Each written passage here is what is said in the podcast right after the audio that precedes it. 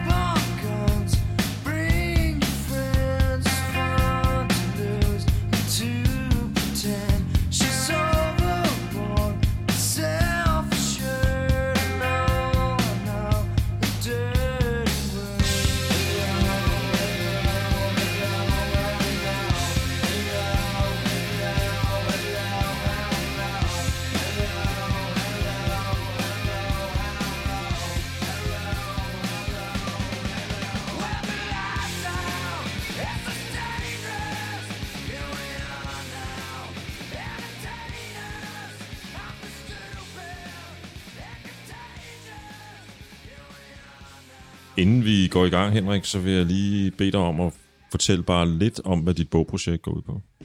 Jamen, altså, bogen hedder Punk Rock is Freedom, og så Kurt Cobain og lidt mere.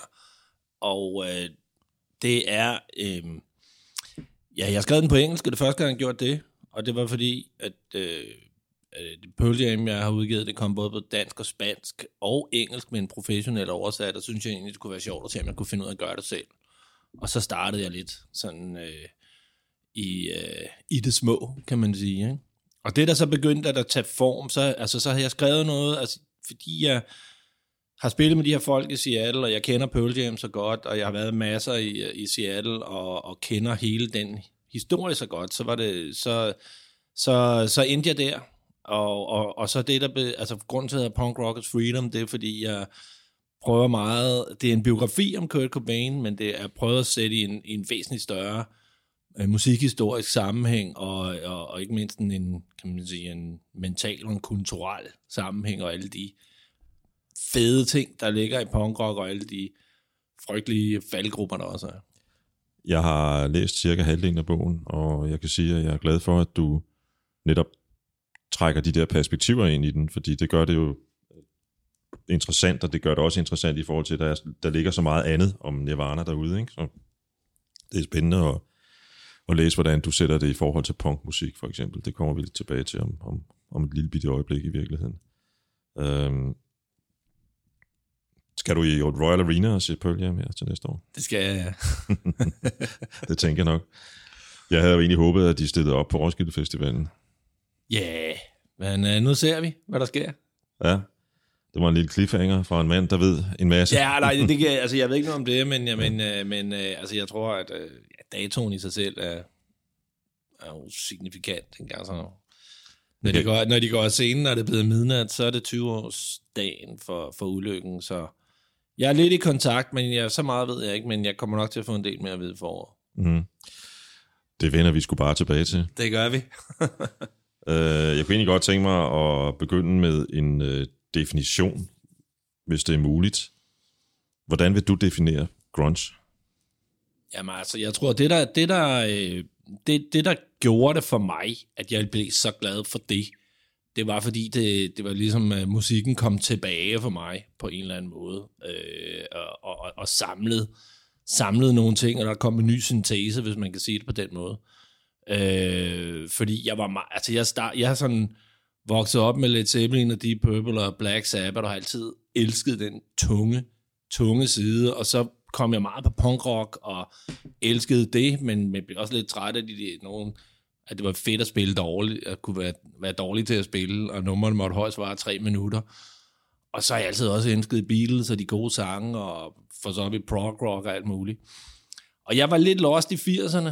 Altså, jeg kunne, godt, jeg kunne selvfølgelig godt høre Depeche Mode og de her ting, og YouTube og sådan kunne noget, og der var der også helt klart plader, jeg kunne lide, og men jeg kunne egentlig bedst lide Tom Waits og Elvis Costello som, og Ramones, som jo ikke var særlig tidstypiske.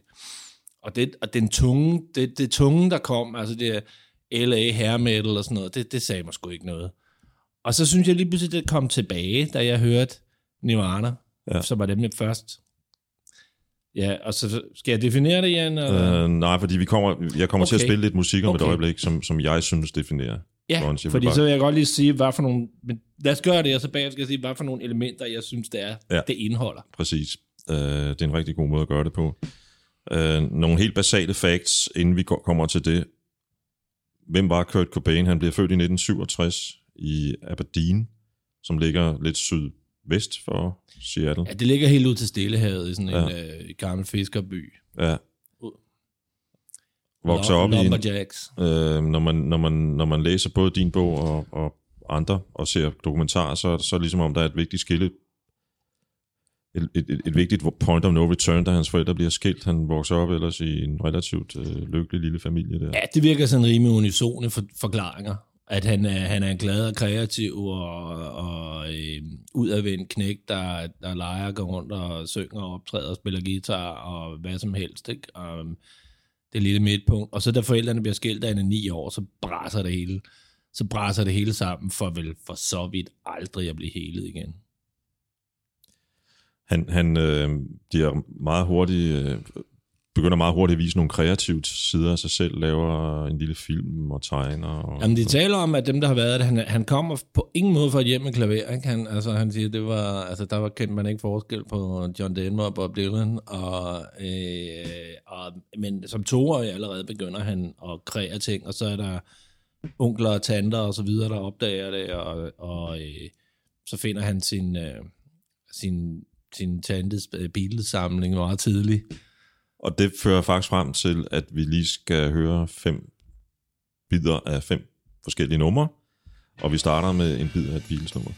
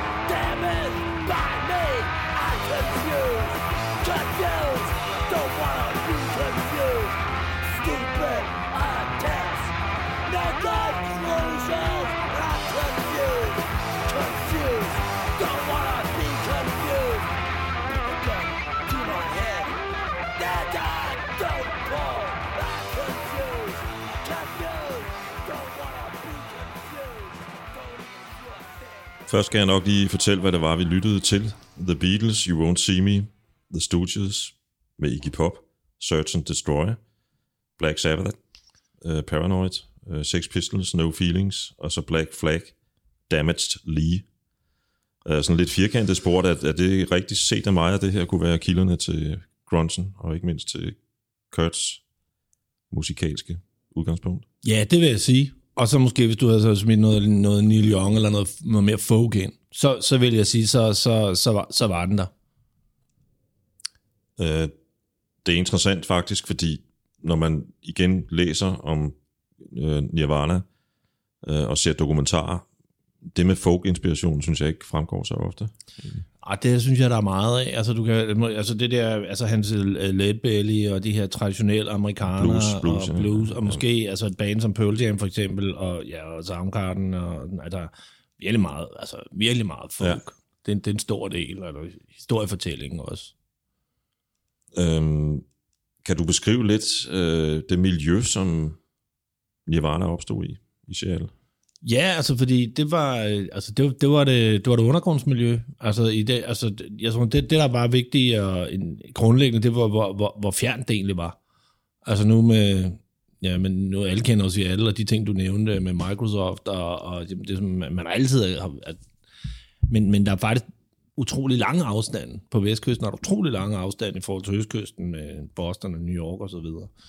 Øh, og, øh, og, og på det her tidspunkt var der det miljø, der opstod, det var virkelig lokalt. Altså du tager hardcore punk scenen, hvor du spillede Black Flag, der var kæmpe stor i USA, eller, eller, eller den var ikke, den var meget regional. Altså det var, det var, og, og, og det var, og det var små økosystemer, deres egne øh, enklaver, kan man sige. Og det var også det, der var i, øh, i Seattle. Altså det var en, en undergrundscene, hvor folk spillede for sig selv og med hinanden og for deres, for deres eget publikum. Så, øh, hvor, så hvor udgangspunktet var ikke, at øh, lad os se, hvad kan vi gøre for at bryde igennem. Det var simpelthen et, øh, en, lo- en lokal punk undergrundsscene. Hvor gammel var Kurt Cobain, da han begyndte at falde, falde ind i det miljø der? Jamen altså, han har jo... Øh, øh, han skal jo faktisk op og være en 16-17 år, før han, før han rigtig sådan rammer det der med, at at han, han opdager punk, fordi, også fordi altså, han boede i Aberdeen, der var pladerne, der ikke var tilgængelige. Altså det, det mest vilde og utrærede, man kunne finde dengang, det var, det var Devo.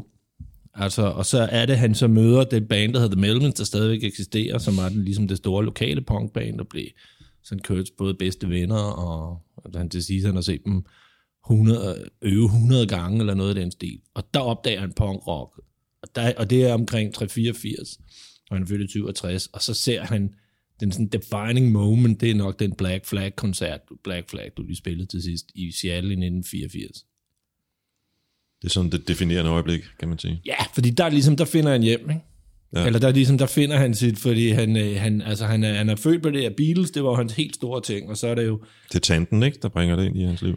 ja, altså, og det var han, som man også siger, det der med hans, hans, hans, hans, hans første sådan breakdown som menneske, krig, kæmpe krise, det der i 1976 finder ud af, at Beatles har været opløst siden 1970. Ikke? Men jeg, jeg har ikke vendt mig til det endnu, og det, Øh, og, og, så han, og så kommer heavy rocken, så kommer Aerosmith og øh, Led Zeppelin og, og, og, og, og de her sådan store, store ting, og det her riff, som jo også er en kæmpe del af grunge ting, ikke? modsat punk. Øh, øh, men men, men han, han ved, at der er noget andet, altså det er en anden kultur, han, han søger efter, fordi han er så, så kraftig i opposition til, kan man sige, den macho, sexistiske øh, forbruger, øh, øh, den klassiske øh, jog-amerikaner, der er han bare i fuldstændig opposition fra han er tidlig teenager, men så, og så, det er det, han ligesom finder hjem med om, omkring det der punkrock, så det er ikke kun en musikal ting, det er også sådan en livsstil, nærmest ideologisk øh, hjem, han finder der. det interessante, eller en af de interessante ting er netop, at han er så markant øh, antiseksistisk. Ja, det, er, det er virkelig interessant, synes i- jeg, og i- det har han været. I en, i en, en rockindustri, der jo handler om sex, drugs and rock and roll. Ja, det synes jeg er rigtig interessant, øh, og det er meget, meget, håber jeg rigtig, vil jeg rigtig gerne fremhæve, og synes jeg er ekstremt vigtigt, fordi øh, man kan sige, altså måske kreative miljøer har også taget på, på mange altså, typer af folk, altså der er jo typisk langt mere diversitet, kan du sige, i et hiphop-miljø, end der vil være i, en, en, en, i Holbæk eller sådan noget, ikke? Men, men det er meget af det der, hvad skal man sige, det dem, der udfordrer dem, øh, jeg skulle sige meget, det, der er utrolig mange homoseksuelle, der har kæmpe store karriere, men så er det, det er tit sådan ud i, så er det Sister Sisters, eller så er det, øh, så er det Elton John, eller, eller det der virkelig voldsomme udtryk, det har jo været meget, øh, til tider homofobisk, og i hvert fald meget macho. Det er rigtigt, som du skriver, at det vagte opsigt, at Judas Priest, øh, sangeren, ved, vedkendte sig sin Ja, homoseksualitet. Det var ligesom et, et, et, et brud. Ikke? Og, og, det, og det var, og der, der var, der vil jeg sige, der var Kurt Cobain vedholdende, og egentlig både i punkkulturen og i grunge-kulturen, den har været meget gender equal, og, eller meget sådan ikke homofobisk, i hvert fald i langt de fleste udgaver. Og det, og det holdt han fast i, så jeg tror, at dem, Hans største fjende, og måske dem, han endte med at have allermest, og gik allerhårdest til angreb mod, det var øh, Guns N' Roses, og specifikt Axl Rose. Øh, hvorfor egentlig? Fordi, Fordi han synes det var en del af sådan sexistiske industri, og en, øh, altså, at det var at det var det der sådan øh, womanizing, og det var sådan den der, øh, at det var hult, og det var tomt, og, og, øh, og så har der også bare været de der krige, der har været. Han gik jo også benhårdt til angreb på Pearl Jam, og altså, hvorfor var det egentlig, han ikke brød sig om Pearl Jam? Jamen altså, det er fordi, han, han anklagede dem for at hoppe on the, at, at de var fake rapping. Altså ligesom nærmest øh, Donald Trump-agtigt, altså hoax, ikke? De hopper på the alternative bandwagon. Og det tror jeg, det har vi er, er, i hvert fald øh, øh, eftertiden vist, at, at Kurt Cobain tog fejl. Men der var jo noget om nogle af de ting, altså for lige pludselig var det det her, de har jo gjort den her undergrundskultur, der jo ligesom bliver afsindigt populær, fordi det er godt at få en masse styrke, men lige pludselig kommer jo alle pladeselskaberne, alle pengene ind, og, og, og, og der er der jo hele tiden det der med, altså, er det Kejserens nye glæder, at, er det her for real, ikke? Så det der Ja. for real, det er sindssygt vigtigt gennem hele punkhistorien. Ja, og det er en- enormt vigtigt for Kurt Cobain jo. Det, ja, det, det er det, ikke? Øhm, vi snakkede om vendepunkter tidligere, et par stykker faktisk allerede nu, og jeg vil spille et øh, nummer, som du blandt andet i den bog, man forhåbentlig snart kan læse, øh, fremhæver også som et vendepunkt, nemlig nummeret About a Girl, som er på deres første album Bleach. Lad os prøve at lytte til det.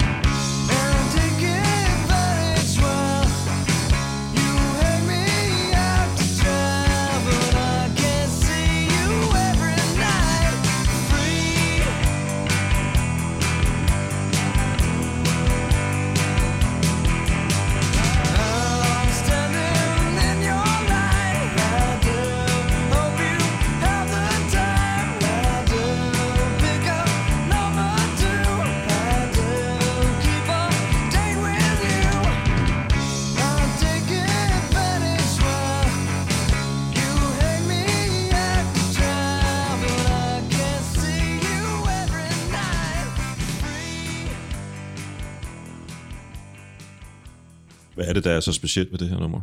Jamen, Altså, det, det, det er det, han, at han, han, øh, han genfinder sin Bob, og han, han, han, han genfinder sin Beatles i det, i det ellers uh, hårde udtryk. Hvis du tager Bleach-pladerne og de ting, han laver før, det er meget voldsomt, meget vrængende og ekstremt larmende, og sådan, øh, øh, og det, der sker her, det er, at han, øh, han, han lige pludselig kan bevare det udtryk, eller det der rock-udtryk, og så kommer, øh, så kommer komponisten Beatles, Beatles-genet, som han jo så har så til overflod siden som en del af det. Ikke? Så, det så det er sådan vendepunktet, det her. Hvordan blev sådan et, et, nu på det her tidspunkt, hvor det lykkedes Nirvana at få en pladekontrakt med Sub Pop, som det toneangivende pladeselskab hed, i Seattle, øh, men, men de var jo ikke blevet kendt endnu. Hvordan foregik øh, processen egentlig? Øh, sangskrivning, studie? Ja, men det var sådan meget tilfældige processer. Altså en ting, der har været, altså Kurt Cobain har løbet meget udsvirrende, og det har de alle sammen, øh, specielt ham og, og joints og druk, og ikke så meget druk faktisk på ham, og senere det der er værre, ikke? Men de øvede altid enormt meget. Altid spillet vildt meget. Altså Dave Grohl flyttede ind til ham, og, og senere, og de, de øvede seks timer om dagen. Men her, så var det ligesom, at der bare blev spillet hele tiden. Altså kørte de der beskrivelser, der er kørt, det er, han, han er jo også kreativ som billedkunstner, og som, øh, altså han laver ligesom hvad som helst, og, og, der, og der, der, bliver helt, der er hele tiden idéer, der bliver indspillet. Og på det her tidspunkt, når de her ting bliver lavet, der er de jo, jamen altså her, hvor de overhovedet kan begynde at definere sig som et band, går der jo lang tid. Øh, og, og det her er jo øh, bare sådan et eksempel på, at han lige pludselig en dag kommer i øvelokalet, som sikkert har været i kælderen, eller hvor det har været, og, og, og, og har den her, og har den her ting. På det tidspunkt har de jo som sagt sådan en kontrakt på et album, Ja, det tager altså noget tid. Det er meget, Ja, jeg skulle lige til at spørge. meget snublende, det der. Ja, det skulle lige til at spørge, hvordan det egentlig foregik.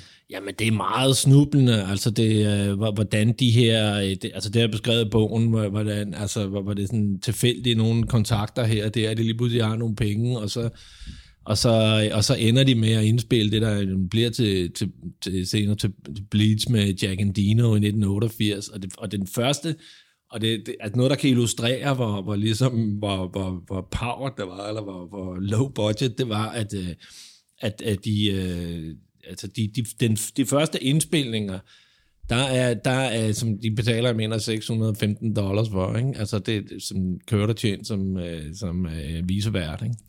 Der- I øvrigt der, hvor, som inspirerer live, øh, Smells Like Teen Spirit-videoen. Men Nå, er det... Nå, Ja, det er det. Men der er 9,5 nummer, og grunden til, at der bliver indspillet 9,5 nummer, det er fordi, hvis de skal have det sidste nummer, så skal de købe en ny båndspole, fordi der kan ikke være mere på, og det har de ikke råd til. Så det bliver 9,5 nummer. Okay, der er 9,5 nummer på det album, simpelthen. Ja, men så, er ikke- så er der nogle indspillinger senere, ikke? Men, men altså det, der sådan sker, så Jack Endino synes, der begynder at være noget. Så han er producer. Han er producer, han er, han er sådan ligesom grunge-mesteren, ikke? Det bliver det i hvert fald, ikke? Som i øvrigt Johnny vil med, har snakket om før, har arbejdet tæt med i de sidste 20 Okay. år. Men han, han synes, der er noget her, og han, han beholder tre bånd, eller tre versioner for at spille dem for nogen. Blandt andet uh, Sub Pop-folkene, og en radiostation, og så uh, Mark Arm for Mudhoney. Uh, som er sådan lidt, han, hans mening lytter man til, og Mark Arm, han, han er faktisk op, oprindeligt, han tager tommelfingeren ned. Han siger, at det lyder ligesom Skinyard, bare dårligere. Mm. Men de får på en eller anden måde snedet den. Det bliver, det er nogle snublende skridt, men succesen tager tid.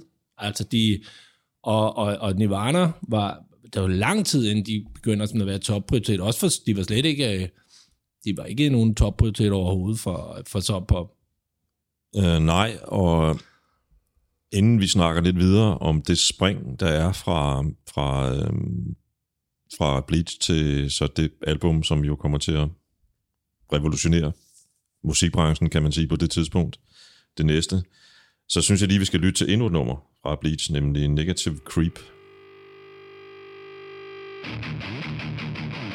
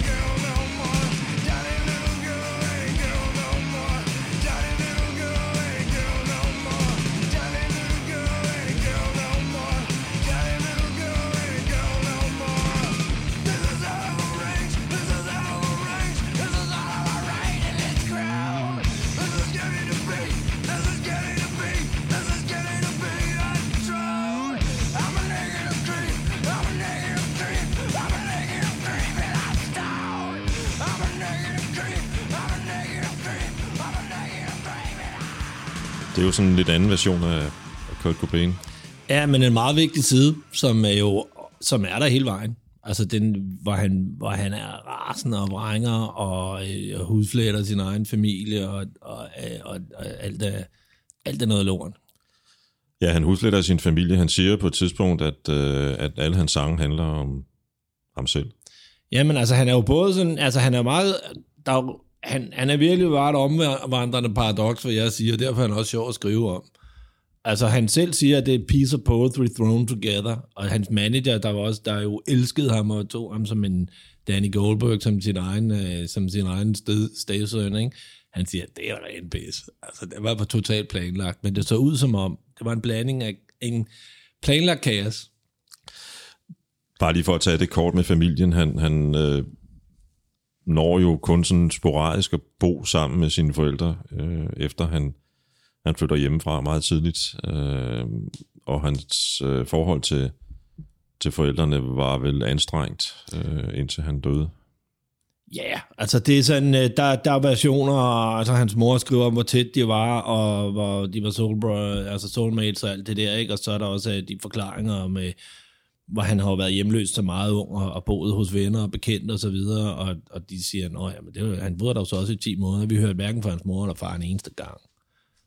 Så, så det, men, men, men det er interessant med, med, med hele det her sådan vilde rockmiljø og det udsvævende og smadre der, derudaf, så faktisk, altså, øh, øh, og det gælder både Dave Grohl og, eller ikke så meget Dave Grohl, men, men Kurt og øh, Chris Novoselic, bassisten, Bassisten i bandet, ja. Jamen altså egentlig sådan, står for de sådan, traditionelle værdier og søger familien og, øh, og, og ser ned på folk, der sådan bare knaller igennem på tur. Og, og, altså det, det er sådan, der er også mange, det siger, det siger øh, Chris Novoselic også, jamen, hvad var det med hende, øh, Courtney Love? Og, og han så siger, jamen så hun var farlig, og hun var dit og dat.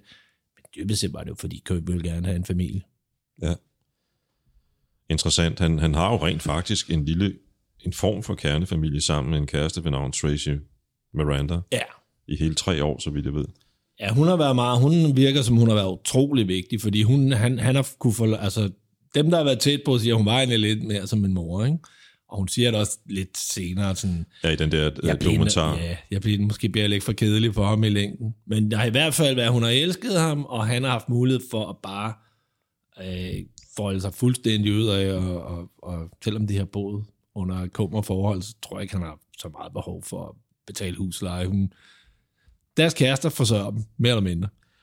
Jeg kan lige sige, nu siger jeg, at den her dokumentar, den hedder Montage, Montage of Heck, øh, og kan varmt anbefales.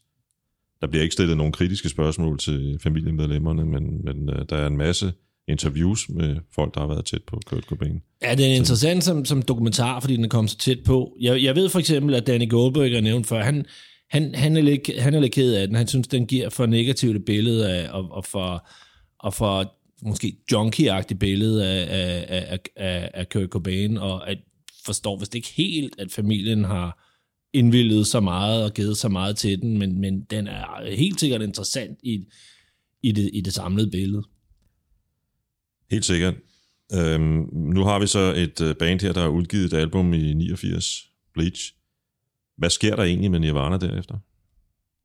Som du selv sagde lidt tidligere, det var ikke fordi sådan, succesen sådan lige væltede ned over dem. Nej, nej, de var jo underdogs, ikke? Altså, og, og øh, altså sådan nogle øh, Soundgarden og Modern og de her ting var jo langt øh, mere øh, øh, prioriteret, men, men altså, så, så øh, bandet kan noget, at de vokser, og det, og det, det det man, man taler jo meget om, om Seattle-scenen, og så taler om, øh, om øh, Nirvana, men altså, der var langt fra, rigtig langt fra Aberdeen til, til øh, Seattle, og først så kommer de jo til byen Olymp- Olympia, som, øh, altså, så, så det er nogle meget store afstande, hvorimod kan du sige, Alice in Chains, Pearl Jam, uh, Mudhoney, uh, Soundgarden, at de, de er jo næsten alle sammen gået i skole sammen, og er virkelig sådan Seattle. Men altså, de, de er jo gode. Altså, de, de begynder at udvikle sig, og der sker noget til, til deres koncerter, og, det, og det, det vokser bare stille og roligt, og man begynder til at er det med ham. Ham der Kurt Cobain, han er vist ikke helt dum. Ja, fordi det, det, begynder, det begynder at give resultater, at de øver så meget, som du nævnte tidligere, blandt andet. Ikke? Øh, og, Altså, de spiller rigtig meget, og jeg synes, at øh, altså, og de, de meget, altså, de konsekvente originaler, altså, Kurt Cobain har sådan, øh, altså, han, han spillede, han spillede, han var venstrehåndet, men spillede alligevel på sådan højrehånds guitar, så han nærmest lavede alt om, og han var den, den totale modstander af guitarlektioner, og synes, en hver form for læring var og fjernede originalitet. Så, så det er ligesom prøvet at være i et eller andet, kan man sige, kreativ kunstner i space, hvor du bare laver hvad, ting for, hvad der er, uden regler. Der er en lidt morsom ting i, i din bog, hvor du beskriver det her, at han, han jo inspirerede muligvis Pete Townsend, det ved jeg ikke, men i hvert fald så skulle han jo i begyndelsen smadre sin guitar hver gang, at de havde spillet.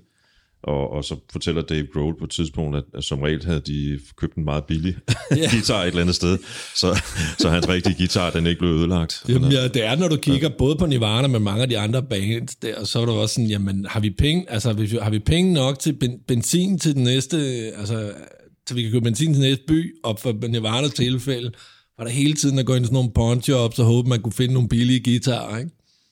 Så man kunne øh, leve sin act ud, Ja, ja, ikke? ja, og ja. samtidig så der også er, er, er til, øh, hvad hedder det, til at, at pleje imaget og sådan noget. Nogle ting. Ja, men jeg vil nu også sige ja på image, ja, men også fordi der er en ægthed i dit, i, øh, der er, og det, jeg tror, det er grunden til, at, øh, at, at Kurt Cobain er blevet sådan, som, der er blevet den myte, han er, og den kæmpe navn, det er fordi, altså dels er der en masse kommersielle mekanismer, og man, øh, altså Beautiful Corpse, og alle de her ting, ikke?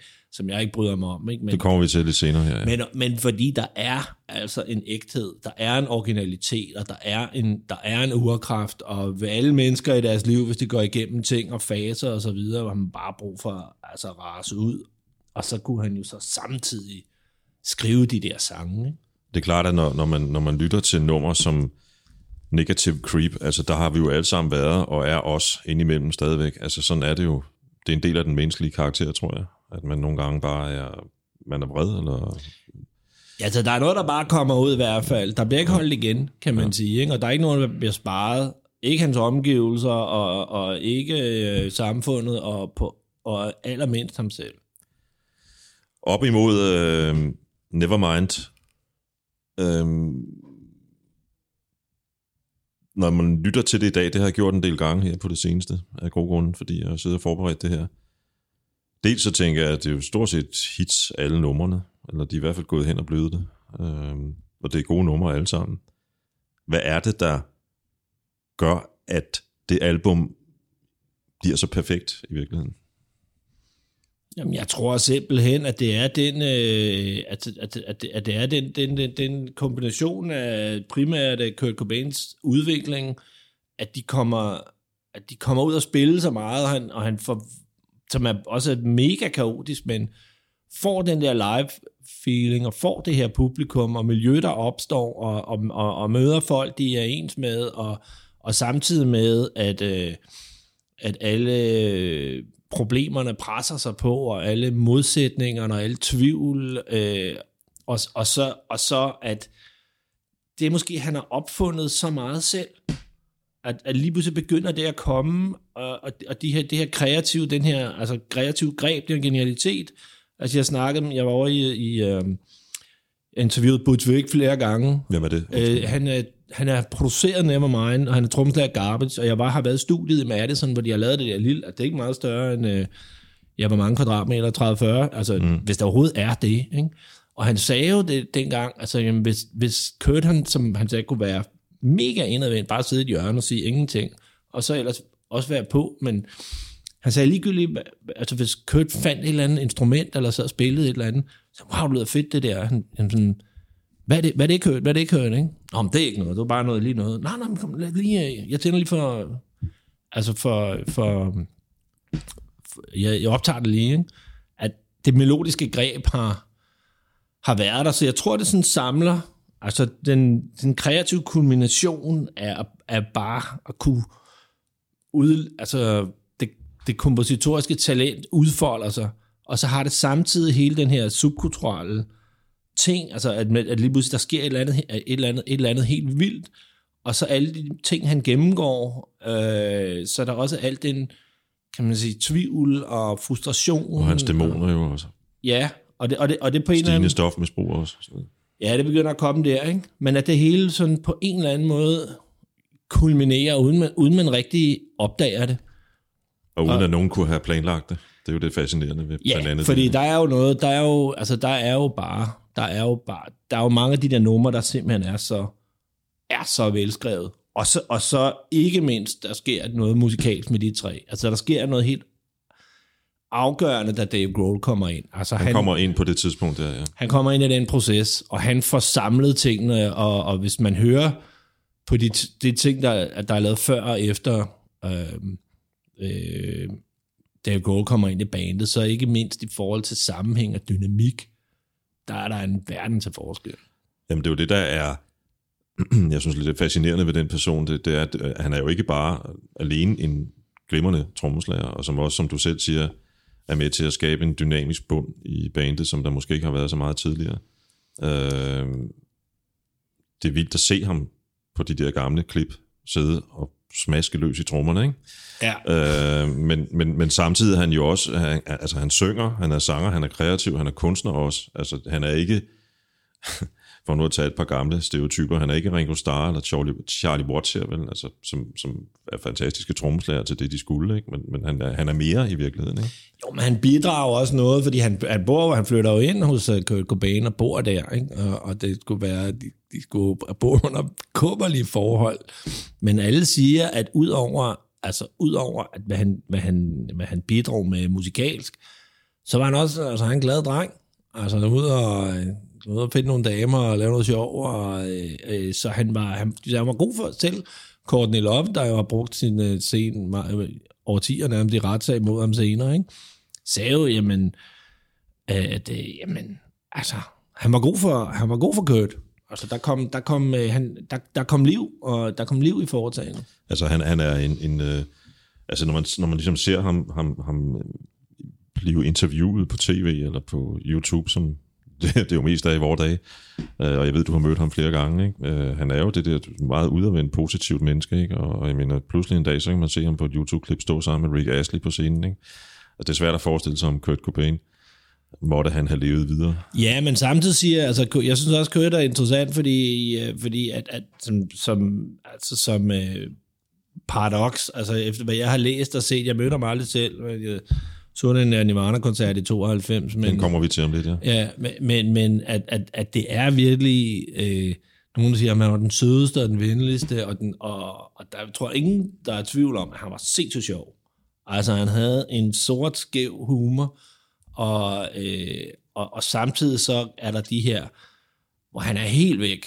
Altså, hvor, han- hvor, han, er- hvor han, er, han er ved at slå sig selv ihjel på scenen flere gange, og de eksempler med, at han, han lige pludselig sidder i, og siger ingenting i enormt lang tid. Så, så, så, men jeg tror at det er i hvert fald, at Dave Grohls tilgang, både musikalsk og personligt, det har haft en meget, meget god effekt på Kurt Cobain.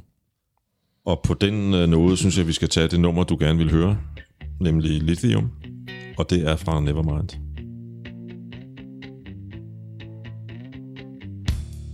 I'm so happy cause today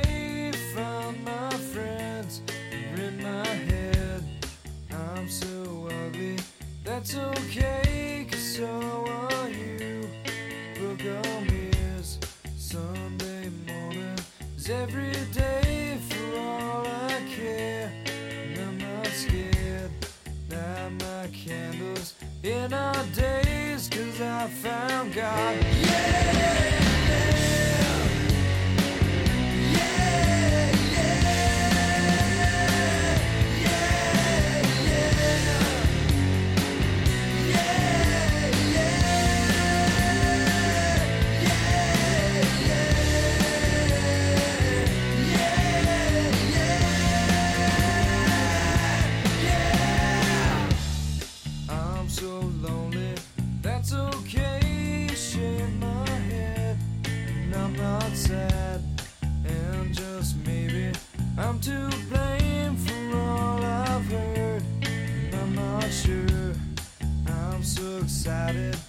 can't wait to meet you there. I don't care, I'm so horny. That's okay,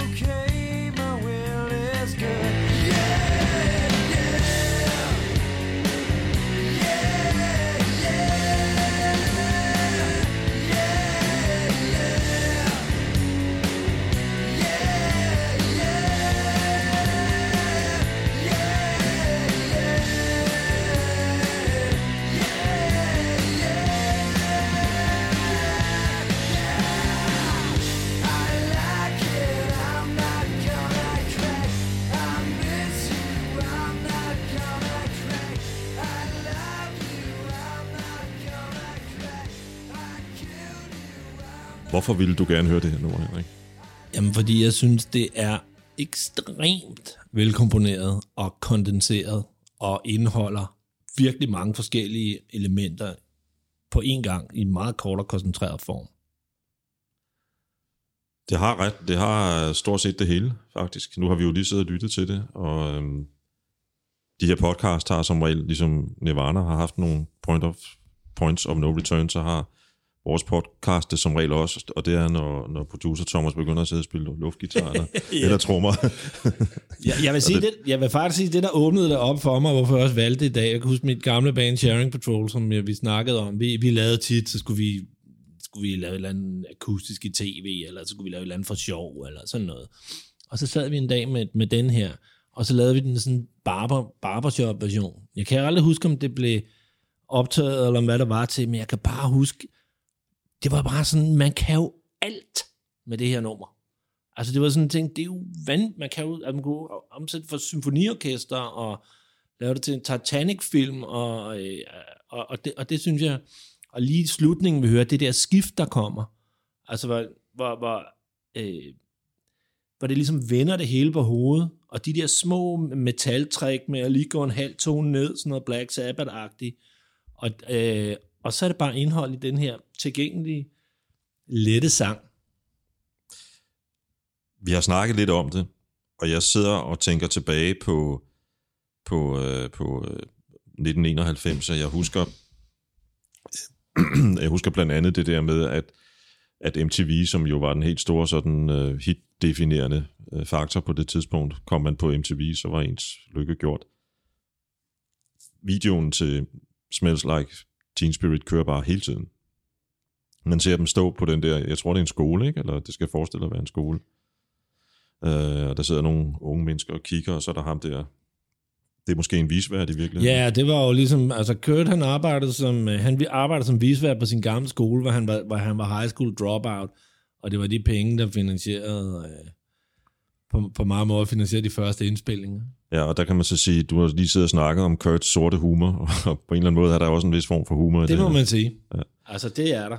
Og at det der med, men også at vende altså USA-siden på hovedet, altså man bruger cheerleader, og det er også piger, der er flotte og så videre, men de, der skal også være drenge, og der skal også være, altså der skal også være de grimme og de tykke, og, og kæmpe slagsmål omkring at lave videoen oprindeligt, hvor Kurt virkelig har holdt på, også at få, kan du sige, grimheden øh, frem, ikke? Måske sådan, tage sådan en filminstruktør som David Lynch for eksempel, ikke? der både har sådan samler det der ærke amerikanske pæne normale, og så, og så også i Blue Velvet, den film, og så bare viser vrangsiden og vanvittet og ondskaben lige ved siden af, og, og den, sådan, jeg synes, det er sådan lidt tilsvarende måde, Kurt Cobain og Nirvana her bruger elementerne på.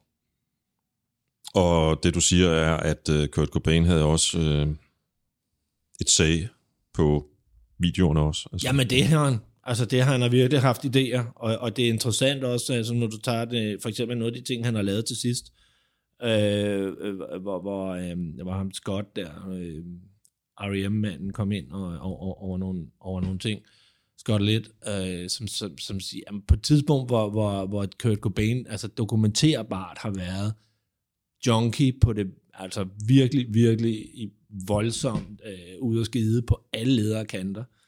Når han sad der, og de sad med musikken og koncentrerede sig, han var jo jernskarp. Ligesom, han mistede totalt sig selv, men han mistede aldrig sin musik. Det er, en, det er ikke det, vi skal tale om i dag, men det er en klassisk historie. Uh, mange uh, mennesker, der er ude i et stort misbrug, det sidste, de har tilbage, det, det er arbejdet. Ja. Han mistede aldrig sin kreativitet. Man rejser sig hver dag ved det, det træ, man faldt ja. ned Ja. ved uh, på sit arbejde på kontoret.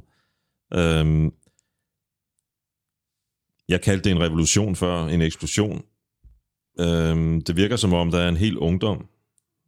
Man kunne sige, at, at intet reklamebyrå kunne have fundet på en så smart titel som Smells Like Teen Spirit. Uh, det virker som om, der er en hel generation, der simpelthen står og mangler det her. Grunts, eller hvad? Ja, altså jeg synes, jeg har prøvet at, som, altså jeg har, jeg har prøvet at lave bogen sådan, øh, baseret på, hvad jeg oplevede som, som musiker, som også har været spillet øh, undergrundskoncerter øh, en masse i for eksempel øh, Berlin, da muren var der, og øh, øh, øh, og øh, øh, ja, nu skal jeg lige tilbage til, prøv lige at stille spørgsmål igen, Jan. Jamen, det var det med, med, øh, det virker som om, der er sådan en hel generation af unge mennesker, der, der mangler det her grunge, øh, uden at vide det. altså, Ja, det kan du sige. Okay, det, nå, jamen, det, vil, jo, det jeg vil mene, det er, jeg, jeg har ligesom prøvet at tage det her punk, punkrock øh, ud fra egne oplevelser, og så det med at interviewe øh, rockstjerner i øh, 20-30 år, og som går helt tilbage til dem, der har været øh, de rebellerne i 60'erne, og, øh, og, og, og, der, og så videre. Ikke? Og, der, og der var det jo, der var det jo, der var det jo øh, stensikkert, at grunge, de ramte, de ramte noget. De ramte ned i noget, som folk syntes var tomt og hul, og lige pludselig var der, var der nogle soundtracks og noget fed musik, og samtidig var der en, en, en, en attitude. Øh, og, og, og så kan du sige, at der har været mange, altså 80'erne, der var det sådan lidt mere jubbe, jobbe, så 80, fattig 80'erne her, og, og så har vi jo haft sådan øh, velstand øh, op i, i, i, i det nye årtusind, og, og, øh, men altså for ting bliver meget, mere og mere differentieret, og mit indtryk nu er lidt, at, der, at nu, er der, nu, nu sker der noget. Nu er der kommet en ungdomsbevægelse, nu, og den er, og der, den er, og det, øh, og det er jo klimadagsordenen og Greta Thunberg og sådan nogle folk, der virkelig, deres attitude er jo et eller andet sted fuldstændig punkrock. Altså i hvor, hvor respektløst for autoriteter, og hvad man kan gå i forvejen. Men min, øh, min sådan lidt tese i hvert fald, ikke, det er, der er kommet en ungdomsbevægelse, den har fundet sin sag, men den har ikke fundet sit soundtrack. Spændende, om den gør det.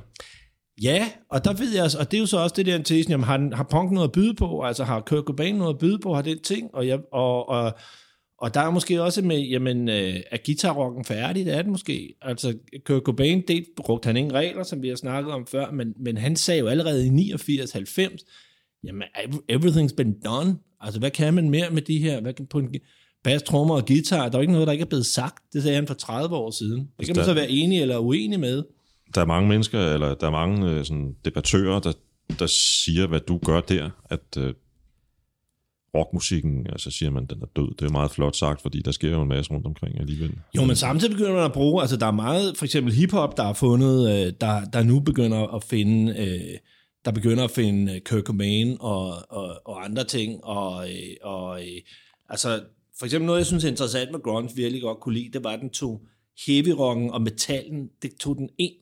Altså ligesom øh, Black Sabbath og Led Zeppelin har en kolossal indflydelse, altså ikke kun på Nirvana, måske allermest på Soundgarden.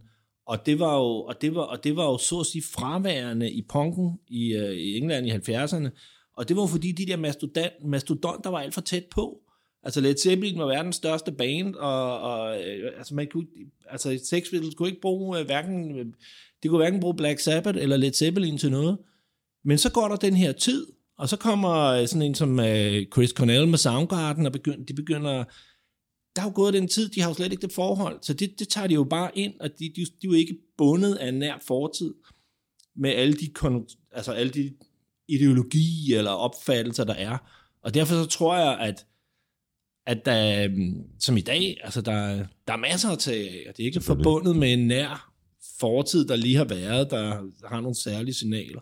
kommer også helt an på, hvilke kriterier man anlægger. Ikke? Altså, hvis man anlægger sådan meget kommercielt kriterium, så kan man sige, at nogle af de mest, øh, at nogle af de koncerter, der trækker flest mennesker i Danmark, det er faktisk øh, koncerter med, øh, med hård rockmusik. Øh, Metallica, ja. ja. Volbeat. Øh, det kan godt være, at mange mennesker siger, at nu er de blevet poleret og sådan noget, men det er stadigvæk hård rock. Øh, Jamen, det er rigtigt. Altså, det er i hvert fald et livepublikum. Nu så et Pearl Jam, vi snakkede om før. Altså, den, ja, den, jeg tror, den koncert her i Royal Arena bliver udsolgt så hurtigt, som man kan. Ja. Altså, jeg ved øh, selvfølgelig går der også noget nostalgi i det og sådan nogle ting, ikke? men, men, men øh,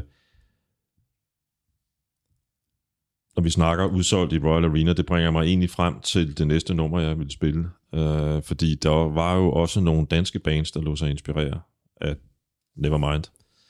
Og sikkert også Soundgarden og Alice in Chains og så videre. Øh, øh, et af dem, øh, sagt op Dennis, øh, spiller som øh, opvarmning til Dizzy Miss Lizzy på, nogle, på en arena-turné i 2020, som også er more or less udsolgt, så vidt jeg ved.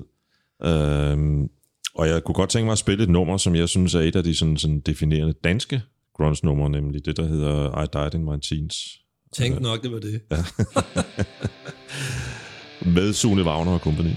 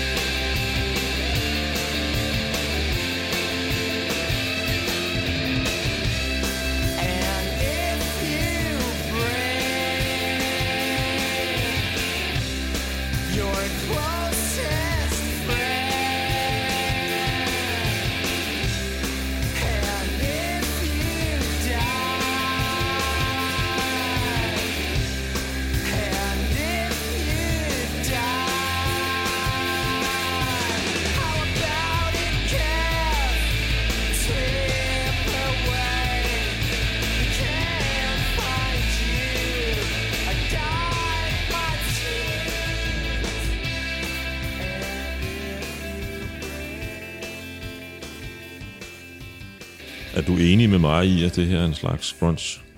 Ja, det kommer helt sikkert, det kommer helt sikkert uh, inspireret af den, uh, at, af den periode, der kommer lige efter det. det uh, uh, og så Sune Wagner kunne jo mange ting, så det var jo... Han har vist sig at kunne alt muligt. Ja, det har, og det har han også kunne dengang, ikke? så det har ikke bare været rendyrket, men det er, der, det er helt sikkert, at alle de her Dizzy, og Kashmir og Inside the Whale og øh, Side of Janice og Kinky Boot Beast og hvad de ellers hedder, de der bands der, ikke? At, at, at meget af den energi, der kom, eller der sparkede det gang, det var, det var øh, det kom fra Seattle. Ja, man kan sige, de fik også ligesom vendt op og ned på en dansk rockscene, ligesom at øh, de amerikanske Seattle bands fra Seattle og omegn fik vendt op og ned på den amerikanske rockscene. Det er helt rigtigt.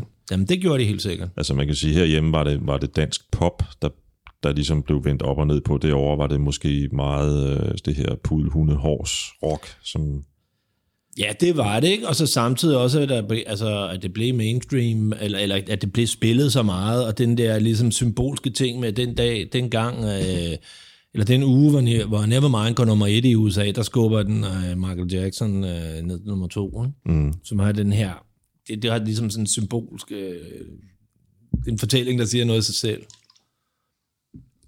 Jeg kunne godt tænke mig at spørge dig om, om øh, sådan helt personligt øh, for dig, grunge-musikken. Jeg vil lige nævne et eksempel, som med, efter fattig evnen for mig beskriver, hvordan jeg mærkede øh, det, man i mangel af bedre udtryk kunne kalde new wave, skråstreg postpunk, øh, som, en, som en state of mind. Øh, og det var på en rejse til London i 1980, hvor, øh, hvor hele London i hvert fald i mine øh, helt unge øjne der, og ører ikke mindst, sådan svinget af, af New Wave. Altså, vi var til koncerter med blandt andet, kan jeg huske, Ecstasy, Ecstasy og, og, Og fedt. og, og, og Graham Sejt. Parker også, på, ja. og, og, og et par andre bands. Øh, det var den uge, hvor Senjata Mondata Police-albummet udkom. Alt i London var blåt og orange, ligesom på coveret af, af, af det der album der, ikke? Lige meget hvilken bar man kom ind på, så lød øh, det eller noget af den anden populære musik på det tidspunkt. Det er det nærmeste, jeg sådan er kommet at mærke den musikstil, som jeg gik meget op i på det tidspunkt, som sådan en, en, en totalitet på en eller anden led. Ikke? Har du haft nogle lignende oplevelser med grunge? Jeg har faktisk næsten måske egentlig haft det mere med, ligesom dig, fordi det var min sidste øh, øh, folkeskoleår der, hvor vi var på lejerskole i, i, i London, og jeg gik bare ned, altså det var punken, øh, jeg var været nogle år, ikke? og jeg købte alle pladerne med The Jam, og jeg gik bare det, og altså synes, det var helt, at, at det var helt fantastisk. Altså der jeg oplevede det som, skal du sige, ung teenager. Øh, men jeg har oplevet, at det der ryg, som øh, altså grunge var, øh, for eksempel nu, øh, og som bevægelse, som ikke kun musik, og det har, det har jeg oplevet, fordi der var selvfølgelig en særlig spænding ved, at jeg spillede bag med to fra Seattle, og vi kendte alle de her mennesker, og så viste det sig, at så havde de både i kollektiv med Jeff og Pearl Jam, og så den og den og den og den, ikke? Øh, det var jo mega, mega fedt, men vi oplevede lidt for afstand, fordi vi var jo i, vi var jo i København. Øh, men men øh, nu spillede du Psyched Up Janice før, og at der lige pludselig kom gode bands, og Tim Christensens kvaliteter som sangskriver er jo, er ret indlysende, og hvor, hvor Kasmir endte med at komme hen senere. Men det er ret øh, tydeligt, eller det var ikke kun, at folk synes musikken var fed, det var også måden at, at, at være, og at klæde sig på, men også at opføre sig på. Altså jeg, jeg så sagt om Janis i 93 eller sådan noget, øh, i, øh, lige hvor de her ting var nye, øh, i, i pumpehuset. Og der stod folk i kø for at gå op på scenen og, altså, og, og stage dive ud over. Altså du er ligesom, man stod i kø til, øh, til 3 meter væbben ikke? I, i, øh, i Bellerhøjbadet eller sådan noget. Ikke? En af gangen, ikke? Og jeg kunne Sune Wagner, han stod bare kloge ned øh, på sin, øh, på, sin, øh, på sin sko, og nærmest ikke lade mærke til det, ikke? Men der har været, hvad har der været? Der har været 200, der har stage divet fra scenen, mindst, tror jeg, til den koncert. Det er jo, siger jo også lidt om, om, om, om hvordan oprør aldrig rigtig for alvor bliver til oprør i Danmark, fordi hvis det var rigtigt, så skulle de jo, to, alle 200 jo stå samtidig og stage dive deroppe Ja. ikke? men vi stiller os pænt og ordentligt i række Ja, det var faktisk sjovt. Det var faktisk sjovt. Det var, ah, der har så været, der var, jeg har også været med i ungdomshuset og alle de der ting og sådan, ikke? Men, men øh, tilbage til det spørgsmål, så er der helt sikkert oplevet altså, altså grunge som et ryg og som, øh, som en bevægelse. Og, og, for, øh, og fordi, måske fordi jeg særligt har skrevet den her Pearl Jam-bog, og så kender det her enormt kæmpestort, øh, kæmpestort øh, indblik, eller netværk i forhold til folk, der kan lide det, og Alice in Chains og Soundgarden og de her ting. Der kan jeg jo mærke, hvor meget den der ægtheden, hvor meget ordene, og hvor meget de der statements, og hvor meget sådan, ligesom måden at være et menneske og leve på, altså hvor dybt, dybt det ligger hos folk, altså som i Sydamerika og, i, og altså over hele verden, vil jeg sige. Vi sidder i et studie, som øh, primært laver fodboldpodcasts. Øh, den 26. juni 1992. du har vel øh, på forhånd haft nogle enorme forventninger til den koncert, tænker jeg. Ingen, Ja. ingen kunne vide, at øh, John Faxe og Kim Wilford skulle gøre det til en endnu større oplevelse på, på forhånd. Vel? Nej, altså det var, det var fod, altså jeg blev, øh, fodbold var fuldt overtog alt jo. Altså jeg så, jeg så Nirvana-koncerten bagefter, men jeg var sådan helt, jeg kunne næsten ikke... Øh, jeg, jeg Har du blevet træt i benene? Jamen jeg var helt, jeg kunne slet ikke fatte den fodboldkamp der. Men det var jo vildt, at det hele kul- kulminerede, og, og Pearl Jam, der har spillet lige inden før, som jeg misser, fordi de har rykket skemaet på grund af fodboldkampen af Leif Skov, efter altså, til sidst var nødt til at overgive sig og vise den kamp. Ikke? Ja, det Men er altså, det, var jo, det var meget en sindssyg dag, jo. Det var en fuldstændig vanvittig dag. Hvordan husker, du husker ikke rigtig koncerten med andre ord? Jo, det gør jeg, men jeg, var, jeg fik lige det der, altså, altså lige hvor du bare har været så op på et high, altså så lang tid at både musik og fodbold og sport, og, øh, og min øh, kone, øh, hun spillede med Lars Hug, og øh, ekskone nu den aften, og sådan noget. Så det var bare sådan, alt skete bare, og lige pludselig kan gassen bare gå i ballonen. Og det skete, lige pludselig mærkede jeg trætheden til koncerten. Jeg synes, det var en fed koncert, men jeg havde lige fået, jeg havde lige fået den der, puh mand, jeg kan næsten ikke mere nu. ikke? Michael Bertelsen, der jo er tidligere Radio 24-7-chef med andre, med, med blandt andet, med mange andre ting også, har nogle gange fortalt den der anekdote om, om øh, han ser, han går rundt med sit øh, P4, øh, P1, P4 P1 radio optage udstyr på, øh, hængende på skulderen i tasken, ikke? Så ser han øh, Kurt Cobain gå en tur. Øh, det er tidligt på dagen, han skulle jo have den der berømte lur inden koncerten om, om aftenen. Øh, en lur, hvor han vist nok fik et par meget stærke sovepiller, tror jeg. Det tror jeg nok, ja. Øh, men, men det har været tidligere på dagen, og det, og det er lyst stadigvæk, og, de går, og så skynder han sig sådan at gå hen til ham og spørge, om det er okay. Han, han må, må vise ham lidt rundt eller et eller andet. Ikke? Og de går sådan lidt rundt på pladsen sammen, og han spørger, om det er okay. Han tænder for sin båndoptager. Ja, ja, det er fint nok. Øh, og så optager han så deres samtaler. Jeg kan ikke rigtig huske, hvad Bertelsen har sagt andet, end at det var lidt øh, tydeligt, at det var paradoxalt for Kurt Cobain, øh, at, at, at være centrum i det her, hvor alt handlede om det, han havde, nemlig sport, ikke? Øh, Jo, altså det er utroligt, fordi der er jo lavet, altså Kenan Seberg, øh, som vi begge to kender øh, ganske godt, øh, jo laver det her interview med dem på bagscenen, som Og- ligger på YouTube i det ligger på versioner. YouTube, og, og, der, og, der, og det er altså, øh, jeg vil sige, det har også taget sådan, lavet et særligt kapitel om, fordi det er så sjovt og alt det der, ikke?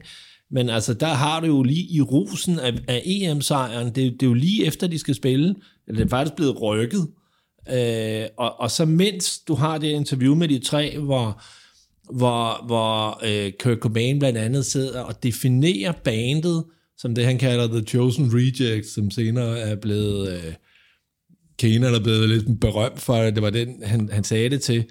Men, men så sidder og taler, at der, i, altså definerer bandet som dem, der var imod de popular fyre, at dem, der gik til sport, og dem, der var på baseball team.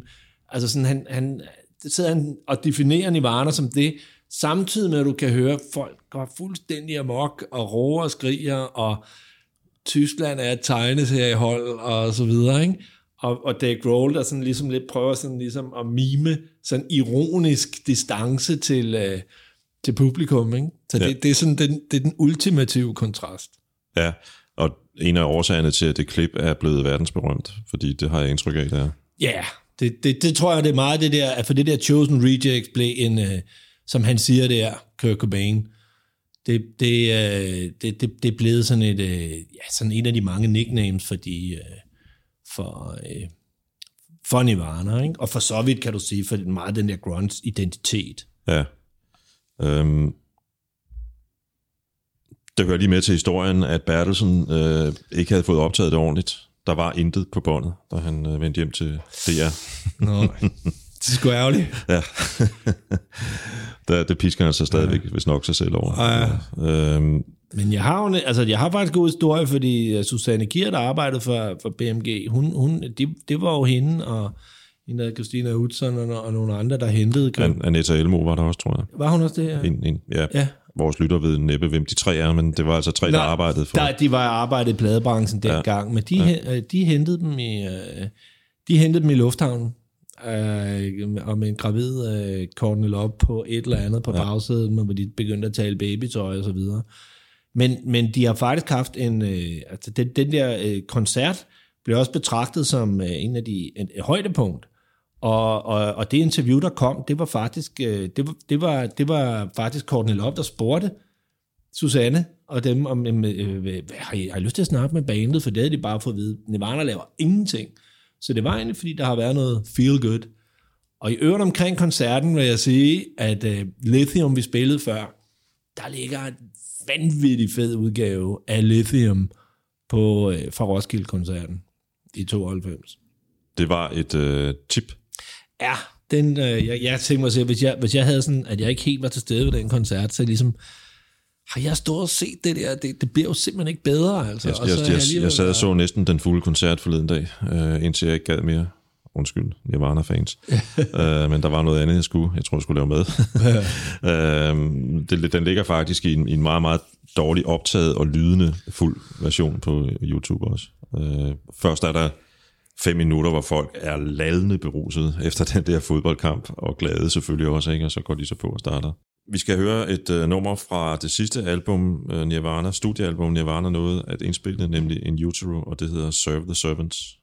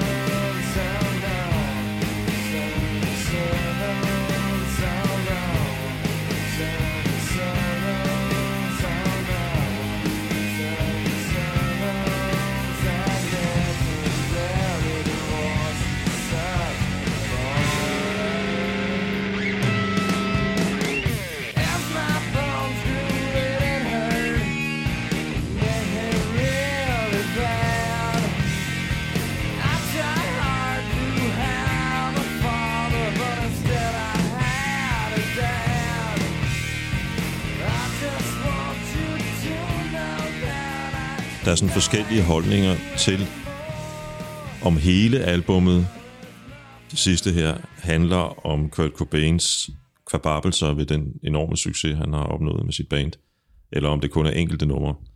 Men i hvert fald det her nummer har to linjer. Teenage angst has paid off well. Igen, sort ironi her. Ja, Uh, now I'm bored and old.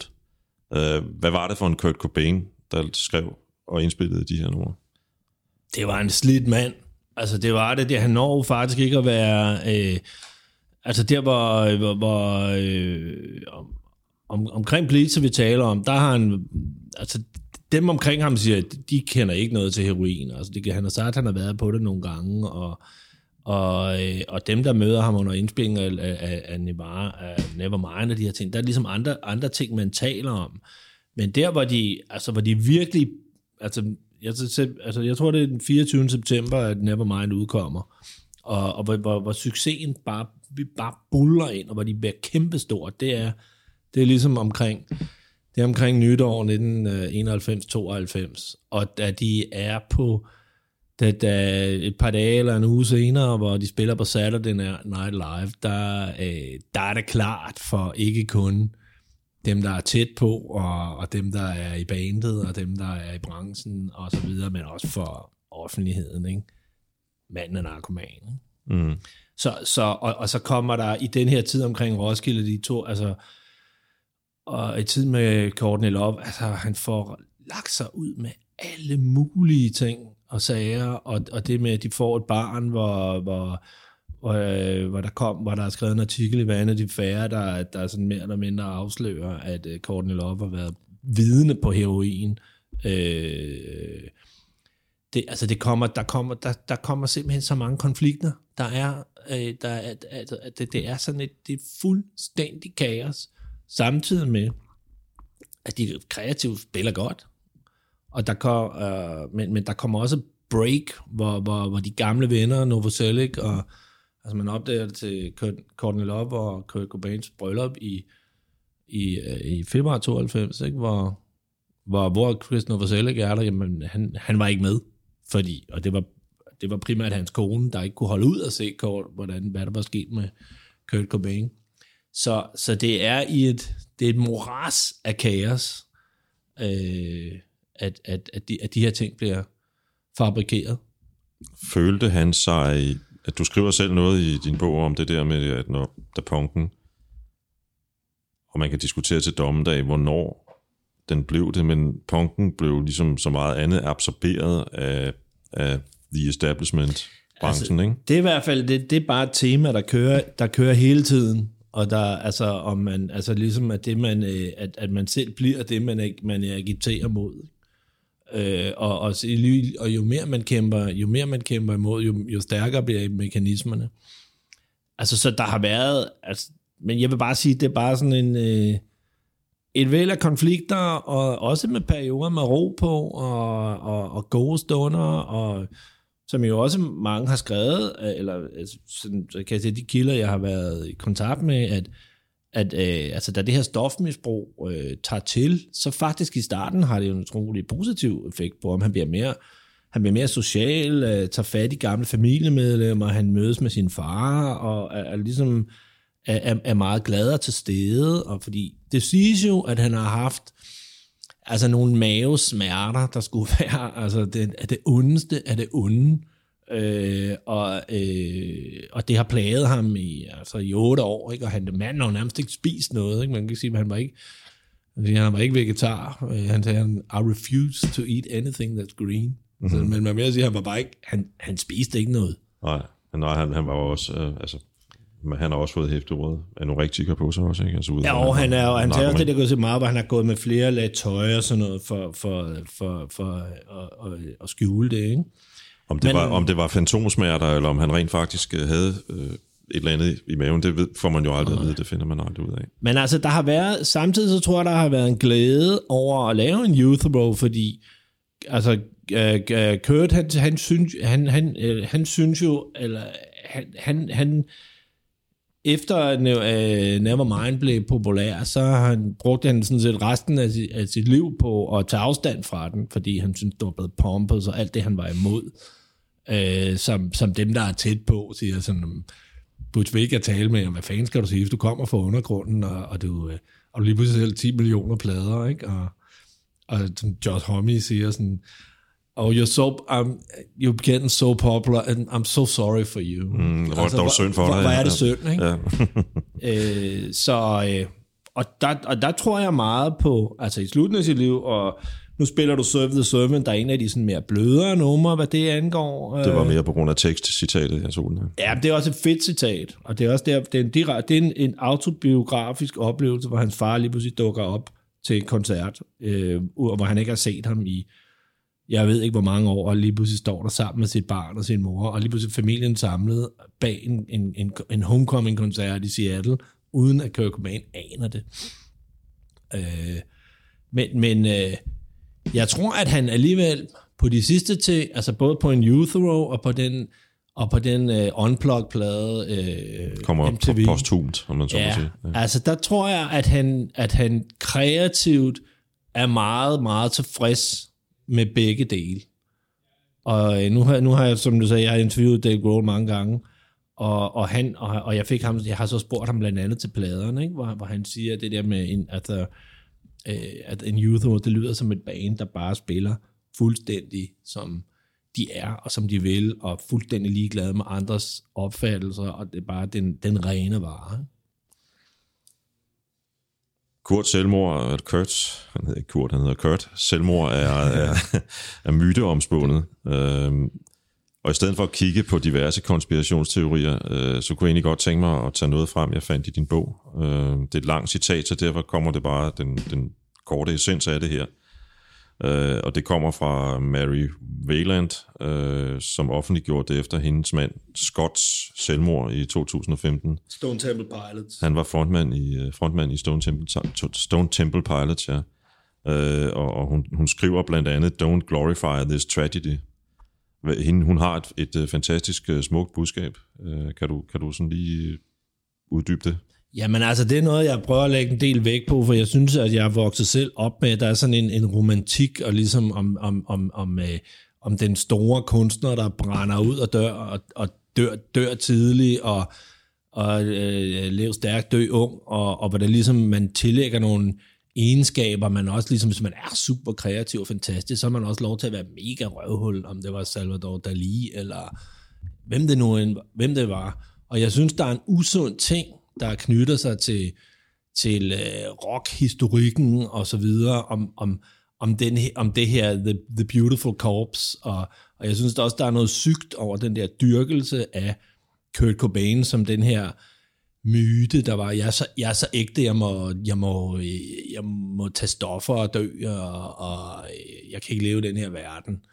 Og der synes jeg, at hun kommer med et fantastisk budskab, fordi hendes mand, øh, eller eksmand, Scott, han, han, han dør der i 2015, og hun siger, som, og hun siger, altså, hun siger, don't glorify this tragedy. Hun siger, altså de her, øh, de, de her mennesker, der i alle mulige andre øh, sammenhæng enten skulle, være, enten skulle indlægges på hospitaler, eller i fængsel, eller et eller andet, for hvad de, hvad de, gør, hvad, hvad de gør, fordi de er syge, og, og øh, det er der folk, der tjener penge på, og, og de ligger på hitlisten, og der er folk, der holder sådan en helt, der er både en, en musikindustri, men også et publikum, der ligesom accepterer det, eller dyrker elendigheden.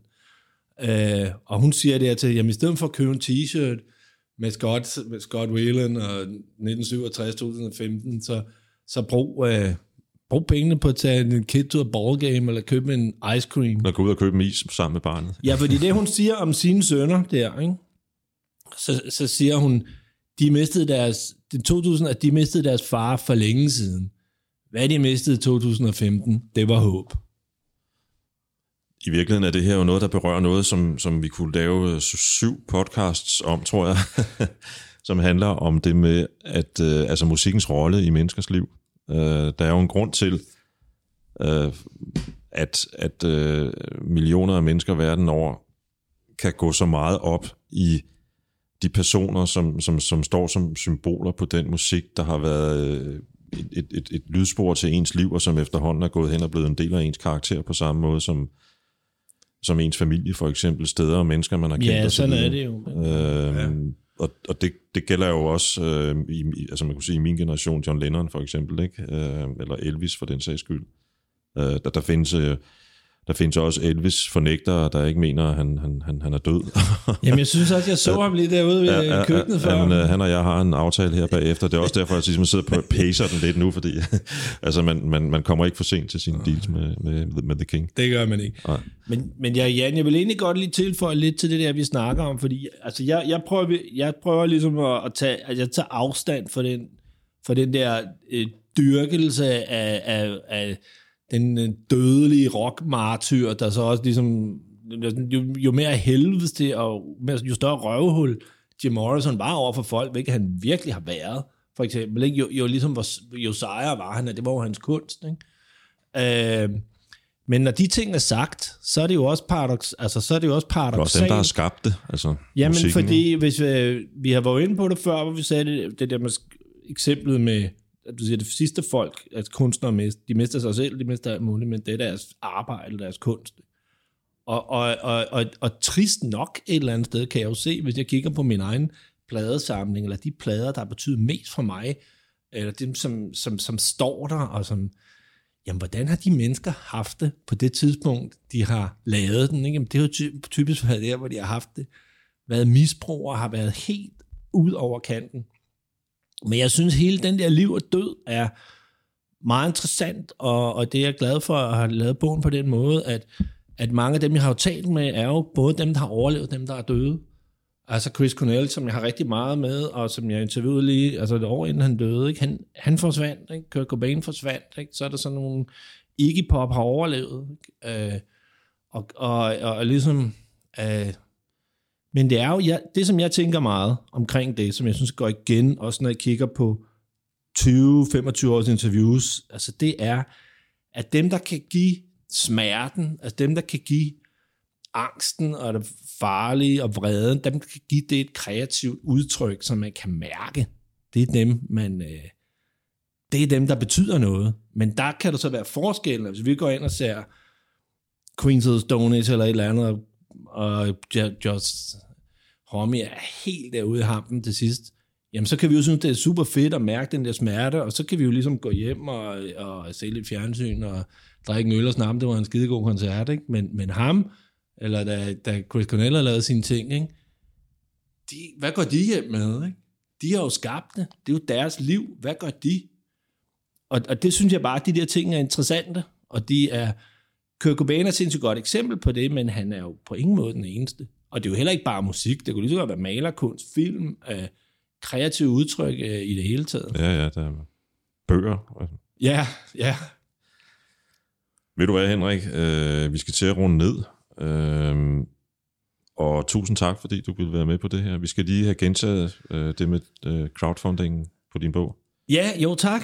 Jo, men altså, fordi øh, det, den måde, vi har den her er lavet på, øh, det er, det er vi øh, crowdfunding og, og Kickstarter. Vi er ved at gå hjem nu. Og, øh, og vi gjorde det samme med, øh, med, med, med Pearl Jam-bogen.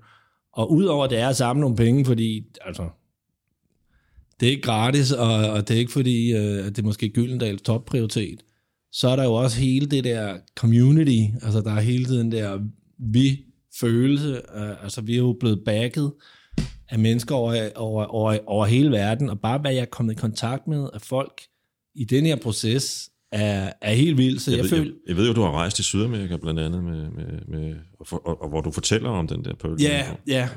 Men jeg synes meget, og jeg kan godt lide det der med, at, at ligesom jeg oplever ikke det her så meget som min bog. Altså jeg mener mere som, det er en del af en fortælling, eller jeg heller ikke, og det går meget ud af, at jeg har ikke nogen konklusioner på noget som helst. Altså jeg har bare et indspark, og jeg bare, hvad jeg har oplevet og set og ting. Men det der, at der er jo flere, der er med i det, og har deres navn i bogen, og har sendt, øh, altså lige inden jeg gik, var der sådan en total heartfelt øh, besked fra en, der er blevet misbrugt af sin kæreste tidligere, Pearl Jam-fan, en, en, en argentinsk pige, som bor i nu en ingeniør i Schweiz, og har været her, og jeg skrev bare om tak for et eller andet, og så lige pludselig kommer der bare sådan en bum for hjertet, ikke? Og det synes jeg bare er meget, øh, det har der været med begge, med begge bøger, eller hele den, det kan, jeg kan bare godt lide den ånd. Og jeg synes også, det der crowdfunding og Kickstarter og sådan noget, det er, lang, altså, det er langt mere end bare, øh, hvis vi, vi skulle hente 60.000 kroner, så vi bare, der kommer her, der er 60.000 kroner, altså hvad det ville være i forhold til den her oplevelse, det her community, det vil jo være, det vil bare være en lille del. Hvor er det, man kan læse mere om det her? Jamen altså, det er cr- altså den, øh, den øh, crowdfunding, det er jo all or nothing, og den, den lukker øh, lille juleaften. Øh, og vi er, vi er, jeg tror, vi er nogen øh, tror 83 procent fondet nu, og vi har fem dage tilbage, og jeg tror, vi klarer den, men øh, alle er meget velkommen til at... Altså, skriv Punk Rockers Freedom. Gå ind på Kickstarter, skriv Punk Rockers Freedom, så kommer mm. den, eller gå ind på, på min hjemmeside eller et eller andet. Og så vil jeg slutte med at sige, at øh, den besked, du lige nævnte fra hende, den argentinske fan, som nu er ingeniør i Schweiz, Ja. siger jo igen noget om the power of music, og måske handler det dybest set bare om, at musik nogle steder kan det, som man ikke kan finde nogen som helst andre steder i sit liv. Så længe at man også er bevidst om, at der er nogle børn, der skal have en is samtidig. Så ja, Musikken har kan forene folk, har en helende kraft. Uh, vi slutter med, uh, du nævnte selv MTV Unpl- Unplugged-albummet, og vi slutter med uh, et af mine øh, Nirvana yndlingsnumre, nemlig Something in the Way. Ja, fedt. Tak for i dag. Selv tak.